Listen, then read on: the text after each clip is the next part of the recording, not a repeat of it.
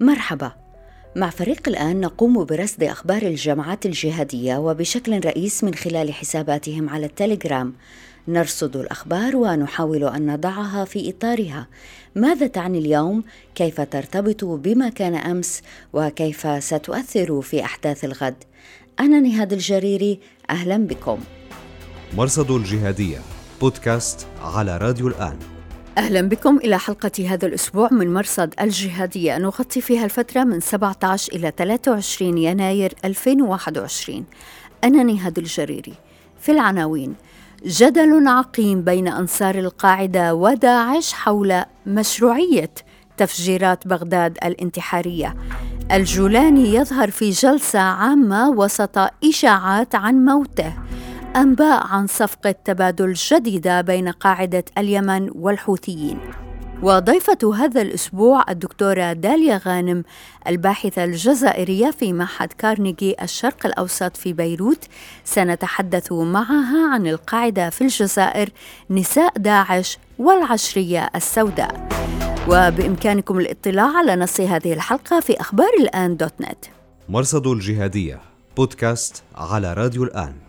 في يوم الخميس 21 يناير توجه انتحاريان من داعش إلى سوق الملابس المستعملة في ساحة الطيران وسط بغداد. الأول تظاهر بأنه مريض فتجمع حوله متسوقون حاولوا مساعدته وما أن تجمع الناس حتى فجر الرجل نفسه. تجمهر الناس مرة أخرى حول الجثث فجاء الانتحاري الثاني وفجر نفسه. أكثر من ثلاثين شخصا قتلوا ذلك اليوم. داعش تبنى الهجوم في بيان رسمي. قنوات رديفة لإعلام داعش الرسمي بثت تسجيلين مرئيين قصيرين من إنتاج الأنصار. واحد بعنوان هجمات الكمأة في بغداد والثاني بعنوان غزوة بغداد. يظهر في أحدهما ما يعتقد أنه الانتحاريان يحضران للهجوم ويظهر في الثاني أحد الانتحاريين وهو يهدد ويتوعد. لم تتضح هوية الانتحاريين لكن حسابا مناصرا مهما باسم عمر محمود أو مبين قال إن المنفذين هما أنصاري ومهاجر. ومن السخرية أن أحد التسجيلين بدأ بما يوحي بأن أشخاصا شيعة يعذبون سنة وانتهى بمشاهد من داعش وهم يعدمون الشيعة ويرمونهم في النهر حتى لا يبدو المشهدان متصلين. هذه الدائرة المفرغة من العنف كانت في صلب جدل بين أنصار داعش والقاعدة. أنصار القاعدة في منتدى نصرة أهل الحق نقلوا منشورا من قناة باسم فضح عباد البغدادي والهاشمي. وصف المنفذين بانتحاريين وعلق ما الفائدة من هكذا جهاد قتل فقراء عزل في سوق البالة. ويجيب تنظيم الدولة يريد أن يتباهى بالأرقام. ملاحظة مهمة هنا هو أن هؤلاء القاعديون لا يستنكرون القتل نفسه هم يستنكرون أن وقع ضحايا من السنة في هذا الهجوم. حساب باسم لله نمضي قال بغداد مختلطة سنة وشيعة واستهداف الأسواق يوقع ضحايا من أهل السنة. وبنفس المنطق الأعوج حساب آخر تساءل عن مشروعية الانتحار وقال من أفتى لأولئك المجرمين بجواز قتل أنفسهم في مكان يمكنهم الوصول إليه بأسلحتهم الشخصية بدليل وصولهم إليه بأحزمتهم الناسفة بكل سهولة. أنصار داعش ردوا على الاتهامات بين قوسين بقتل السنة ونضع الكلمتين بين قوسين. حساب عمر محمود أو مبين المناصر لداعش قال في الحرب لا توجد عواطف أو قوانين ميدانيا في أي حرب في أي مكان بالعالم لا يوجد فيها شيء ممنوع فكما يقتلون منا نقتلهم. ترجمة هذا الكلام داعش لا يقل بشاعة ووحشية عن آخرين يدعي أنه يحاربهم. حساب صوت الزرقاوي وهو من أنصار داعش الكبار ضرب بكل هذا عرض الحائط وقال ننسف ونفجر ونهدم ونخرب وندمر سنفعل ما نريد وقت ما نشاء فإن لم يعجبكم فانطحوا الجبل أو اهدموه. وحساب شيبة اثنان في مجموعة منتدى شباب اليمن وهو أحد المجموعات الداعشية تحدث عن ذلك السني الذي وجد في السوق وقال ساخرا أن وجود هذا السني ليس ذنب من قام بالتفجير وخاطبه بغداد دار حرب ومعقل الحكم الشيعي الإيراني. راجع نفسك فأنت المخطئ بوجودك في السوق وليس هم أي الانتحاريون. حساب داعشي آخر قال مشكلتك حبيبي في حال وجود أحد من أهل السنة فيبعث على نيته وهذا يشبه ما يصفه آخرون يدعي داعش أنه يقاتلهم ب collateral damage أو القتل العرضي. يختم الحساب قد تم تحذير السنة من قبل من الاقتراب من هذه المناطق وقد أعذر من أنذر. مرصد الجهادية بودكاست على راديو الآن. مساء يوم السبت 23 يناير تناقل أنصار هيئة تحرير الشام صورا من الحساب الرسمي للهيئة يظهر فيه قائد الجماعة أبو محمد الشولاني في جلسة مع مسؤولي بعض المخيمات المتضررة. الحساب ذكر أن الجلسة جاءت استجابة لنداءات الأهالي المتضررين في المخيمات. أي أنها لم تأتي بمبادرة من الجولاني.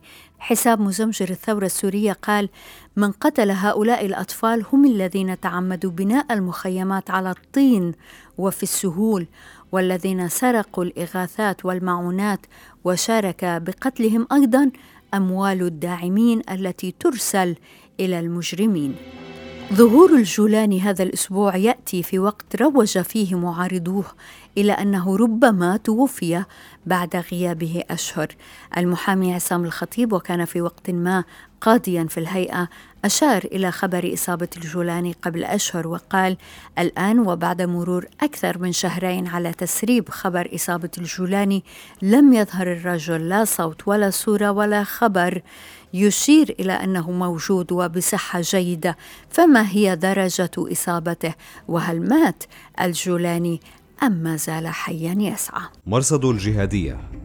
بعد تعيين عامر الشيخ أبو عبيدة درعا قائدا لأحرار الشام في 9 يناير صدرت هذا الأسبوع قرارات إدارية بتعيينات جديدة مثل قائد عسكري عام وقائد لقوات المغاوير.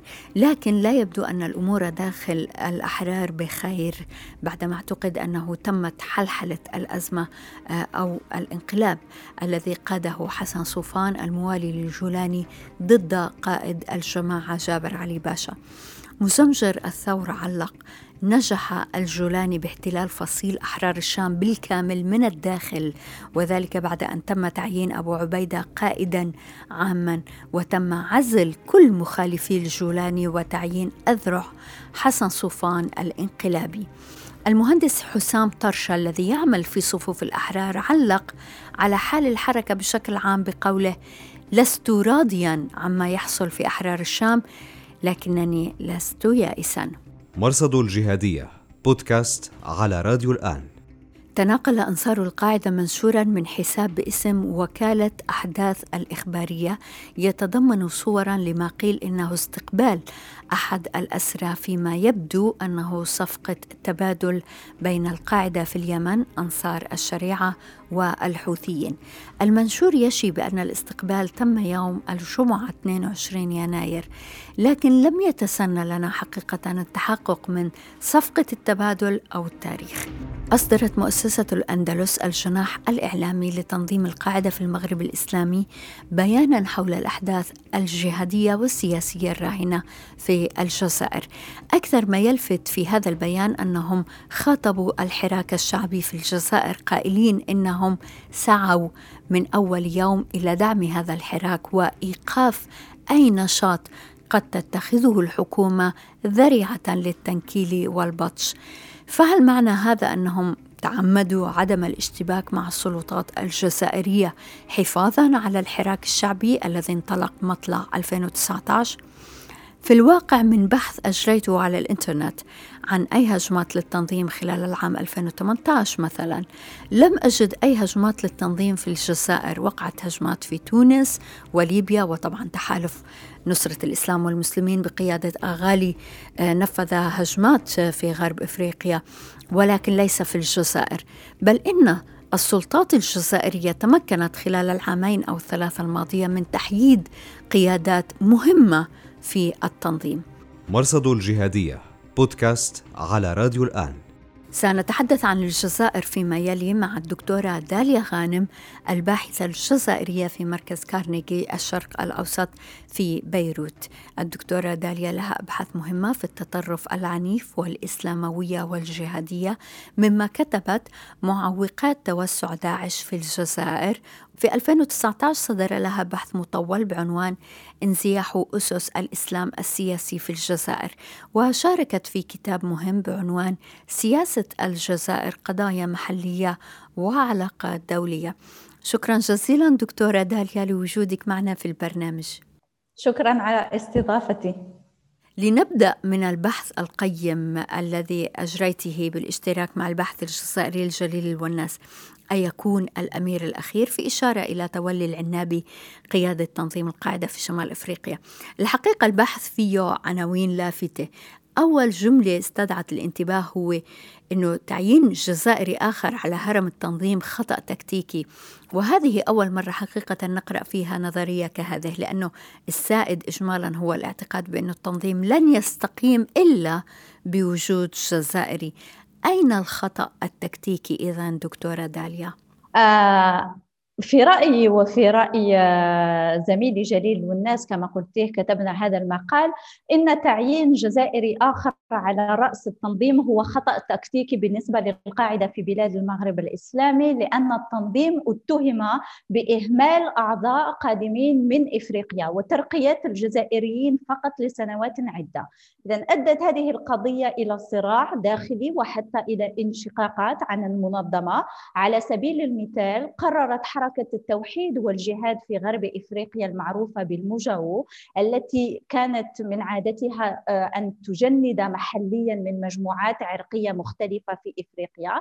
الانفصال عن القاعدة في المغرب في بلاد المغرب الإسلامي في عام 2011 نتيجة لهذه السياسة الداخلية التي تفضل ترقية الجزائريين وتهمل الأفارقة. من خلال تعيين جزائري آخر كرئيس آه، للقاعدة في بلاد المغرب الإسلامي. يقلل ذلك من نفوذ التنظيم الذي هو نفوذ ضعيف بالفعل آه، اليوم في جميع أنحاء منطقة الساحل آه، حيث يواجه تحديا التنظيم يواجه تحديا كبيرا من قبل الجماعات المحلية المجهزة بشكل أفضل والتي عندها سمعة أكبر آه، وخاصة منها جماعة نصرة الإسلام والمسلمين آه، وهي ائتلاف من الكيانات الإقليمية المرتبطة بالقاعدة والتي رغم ارتباطها رسميا بالقاعدة في بلاد المغرب الإسلامي إلا أنها في الواقع أكثر قوة واستقلالية. اذا في الواقع بعد أن توسعت القاعدة في بلاد المغرب الإسلامي خارج الجزائر آه، خارج الجزائر لشن هجمات آه، آه، خطيرة في تونس في ليبيا في مالي في موريتانيا والنيجر فقد التنظيم اليوم السيطرة على أرضه الأصلية التي هي الجزائر وتم تقليص قدرته على الحشد والتجنيد والتخطيط والهجوم بشكل حاد العامل الآخر اللي آه، آه، درسناه أنا وجليل آه، هو أن اليوم يفضل التنظيم أن أن يكون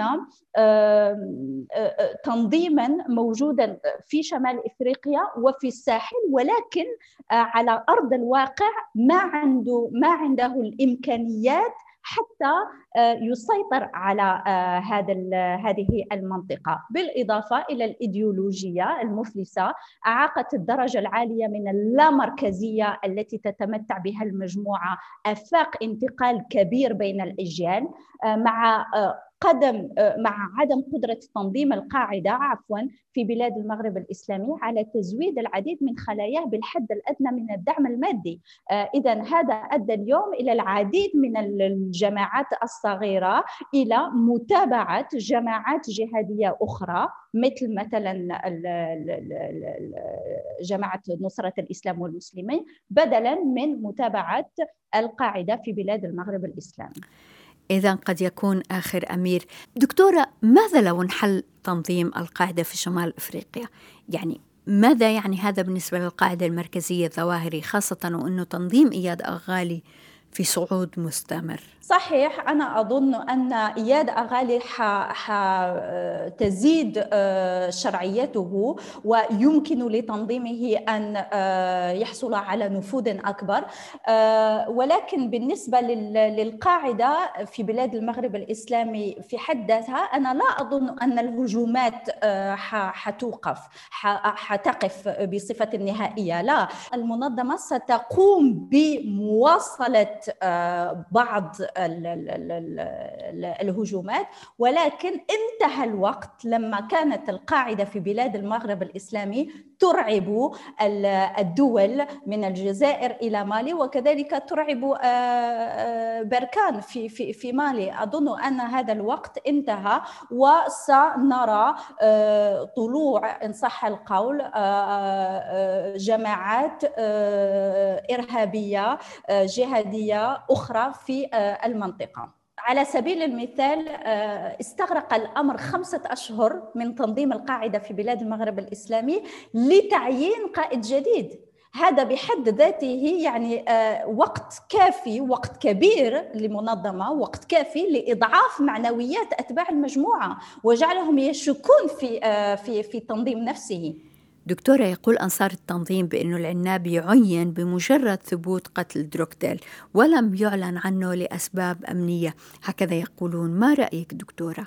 ربما ربما نعم ربما لا ولكن في نهاية المطاف خمسة أشهر وقت كافي آه، لزرع بذور الشك في متابعين المنظمة. في 2016 كتبت عن معوقات توسع داعش في الجزائر والحقيقة العنوان يبعث على السرور. إذا يعني يشعر الواحد بأنه ثمة استراتيجية ناجعة للتصدي آه، للإرهاب وخاصة إرهاب داعش الذي عانينا منه ولا نزال هنا في الشرق. ما الذي فعله الجزائر حتى يحول دون توسع داعش داخل حدوده؟ آه نعم صحيح معك حق. الهجوم الوحيد الذي شنته جماعة داعش آه، في الجزائر هو مقتل المواطن الفرنسي إغفي غوردال آه، ومنذ ذلك الحين نشرت جماعة جند الخليفة اللي هي داعش في الجزائر جند الخليفة فيديوهات آه، دعائية بالغوا فيها في قدراتهم في الجزائر. ولكن لا لن لم يملك ذلك الفرع الجزائري لداعش القوة البشرية أو الموارد ل لكي يمثل تهديدا خطيرا للبلاد. آه، في الواقع في ثلاثة عوامل يمكن أن أن نشرح بها لماذا لم ينتشر داعش في الجزائر. هذه العوامل الثلاثة هي ارتفاع مستوى الأمن في البلاد. ثانيا منافستها آنذاك مع تنظيم القاعدة في بلاد المغرب الإسلامي. والعالم العامل الثالث وهو العامل السيكولوجي إن صح القول وهو الصدمة العشرية السوداء في التسعينيات التي التي لا تزال آه، حية في ذاكرة الشعب الجزائري. إذا اكتسبت القوات قوات الأمن الجزائرية قدرات كبيرة في مكافحة الإرهاب خلال هذه الفترة التي آه، آه، دامت عقدا وتمكنت قوات الأمن الجزائرية من إبقاء عدد الجزائريين الذين سافروا كذلك إلى ليبيا إلى العراق وسوريا آه، عددا منخفضا نسبيا آه، وعملت أيضا على تقييد الجهاديين المحليين. آه، بالإضافة إلى ذلك الاستراتيجية تمثلت في إغلاق الحدود. لقد غلقت السلطات الجزائرية آنذاك حدودها مع جيرانها باستثناء تونس وعزز الجيش الإجراءات الأمنية على حدوده. عم نحكي على بلد عنده أكثر من ستة آلاف كيلومتر حدود مع سبعة دول مختلفة. إذا لقد نجحوا نسبيا في تأمين هذه الحدود لأنه يجب أن نتذكر على الهجوم على منشأ الغاز في تيكونتورن في جانفي 2013 ولكن باختصار أظن أن العامل الأساسي هو الإمكانيات المادية والبشرية للقوات الأمن الجزائرية. وكذلك قوة نفوذ القاعدة في بلاد المغرب الإسلامي آنذاك. إذا لن يتمكن لم يتمكن داعش من آه، أن يحصل على نفوذ لأنه كانت آه، القاعدة موجودة في الجزائر. وأخيرا عدم قدرته كذلك على آه، تحفيز الشباب لأن الشباب كانوا منهكين إن صح القول مع العشرية السوداء ومع هذا الفكر الإيديولوجي الجهادي في الجزائر. دكتورة قمت حضرتك باستعراض مهم لدور المرأة في الجهادية وانضمامها لداعش وتحليل واقعي للأسباب والنتائج والحلول كما جاء في البحث المعنون الوجه النسوي للجهادية أريد أن أسألك دكتورة من خلال هذا البحث ومن خلال ما نقلته عن داعشيات آه، متنفذات إن صح القول إلى أي درجة كان العالم الذي وصفناه عالما زائفا. اولا آه، يجب أن أقول شيء كثير مهم بالنسبة للنساء. الدوافع التي تجذب النساء والرجال في رأيي للانضمام إلى جماعات جهادية كثيرة متعددة ومتشابكة. بطبيعة الحال آه، آه، حتى حتى من الممكن أن تكون يعني اسبابا سياسية اجتماعية اقتصادية نفسية أو حتى فلسفية. فالنساء لا يقومن بالانضمام إلى تنظيمات جهادية فقط ليصبحن زوجات المجاهدين كما ادعى بعض آه، وسائل الإعلام أو آه، كما تشيع العديد من وسائل الإعلام والمحليين أن النساء آه، اغررن من طرف الرجال. لا للنساء كذلك دوافع سياسية اجتماعية اقتصادية للانضمام. آه اذا ليس ليست النساء آه، ضحايا للرجال الذين ينجحون في اجتذابهن إلى ذلك المنحنى العنيف. لا. آه، المرأة آه، تعتبر political actor مثل ما قلتها بالفاعل سياسي وعندها دوافع متشابكة ومتعددة للانضمام إلى مثل هذه آه، الجماعات. ومن بين هذه الدوافع مثل ما ذكرت هو الرغبة في العيش في مجتمع مثالي والترويج لذلك المجتمع. والنساء اللواتي انضممنا إلى الدولة الإسلامية آنذاك هناك انجذبنا إلى فكرة المجتمع النقي المجتمع المثالي التي سعت الدولة الإسلامية لترويجها عبر استراتيجية إعلامية قوية. نتذكر كلنا في 2014 و2015 آه، الاستراتيجية الإعلامية القوية لداعش. فالانضمام الانضمام إلى الدولة الإسلامية هو طريقة وسبيل من أجل التحرك في مواجهة مجتمعاتهن والتي يرونها ناقصة وآثمة وفاسدة. كانت كمان الجهاديات الفرنسيات وآنذاك آه، تروجنا بصورة النوتيلا. ما بعرف إذا تتذكري كانوا الفرنسيات آه، بياخذوا صور للنوتيلا وبيقولوا حتى نحن هون بدولة داعش عندنا وما خصنا ولا ولا آه، ولا شيء من حياتنا الماضية. إذا إضفاء هذا الطابع الفاتن والمثالي على الأراضي التي سيطرت عليها الدولة الإسلامية ساعد على نشر والتسويق لصورتها وسمعتها خاصة ما بين الغربيين. آه، لأنه شخص غربي قد يكون لديه قدر من التردد في ترك حياته المريحة في الغرب والمعاناة من النقص. اذا هذه الصور كانت تروج لها النساء من أجل آه، القول أنه مش بس دولة مثالية بس ما حينقصكم ولا شيء بهذه الدولة. هذه كانت الصورة التي روجوا لها بس آه، ظهرت صور آه، مثل ما قلت the counter narrative بعدين أنه هذا العالم آه، أول شيء هيدا مش دولة هيدا تنظيم هيدا تنظيم إرهابي قادر على عنف كبير ما عنده بنية تحتية مثل ما كان يدعي ولا رعاية اجتماعية ولا فرص مهنية ولا شيء من هذا القبيل. يعني فسدت فسدت آه، صورته بعد ذلك وأظن انه النساء كان لهم دور مهم في الترويج لهذه الصورة اللي كانت كثير جلامورس آه، مثل ما آه، قلتها بال بال بالبحث. ولكن بفضل وسائل التواصل الاجتماعي سربت الصور التي بينت حقيقة آه، الدولة الإسلامية. دكتورة أنت جزائرية وتحدثت عن العشرية السوداء ولك أبحاث في الإرهاب منذ سنوات طويلة. هل لا يزال شيء يدهشك بعد كل هذه السنوات في البحث في هذا الموضوع؟ وأنت عشت جزءا من هذا الإرهاب؟ صحيح بالنسبة لي مثل ملايين الجزائريات والجزائريين آه، كانت تجربة الإرهاب بالنسبة لي وبالنسبة للملايين تجربة مؤلمة آه، عندما اندلعت ما سمي بالعشرية السوداء ولكنها حرب أهلية آه، كان عمري عشرة سنوات وأتذكر أنه أول مرة رأيت جثة مقطوعة الرأس كان عمري 13 سنة. لأن كان العنف مركبا من حياتي يعني. آه، وكان لذلك تأثير رهيب إن صح القول علي. أعتقد أنه إذا آه، ما كنت عشت هذه التجربة في الجزائر كمرأة كمواطنة كطفلة آه، بداية كطفلة انتهاء كامرأة أعتقد أن لم أكن أدرس ما كنت درست الجهادوية. أظن أن كان لذلك تاثيرا كبيرا علي وعلى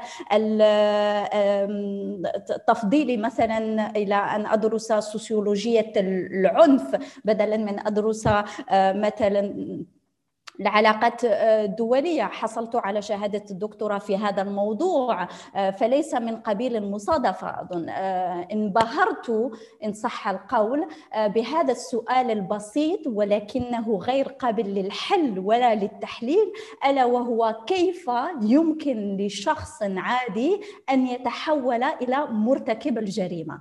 وأظن أنه إذا ما كنت عشت العشرية السوداء في الجزائر ما كان ما كان هذا السؤال أريد أن أجيب عليها. ولهذا كل التحاليل آه، وكل الدراسات التي أقوم بها أحاول دائما فهم العوامل المحفزة لكي ينضم شخص عادي ما بين قوسين إلى جماعة جهادية والقتل باسم هذه المجموعة. إذا أظن أن هذه الحرب جعلتني الامرأة والأكاديمية التي أنا عليها اليوم. نعم.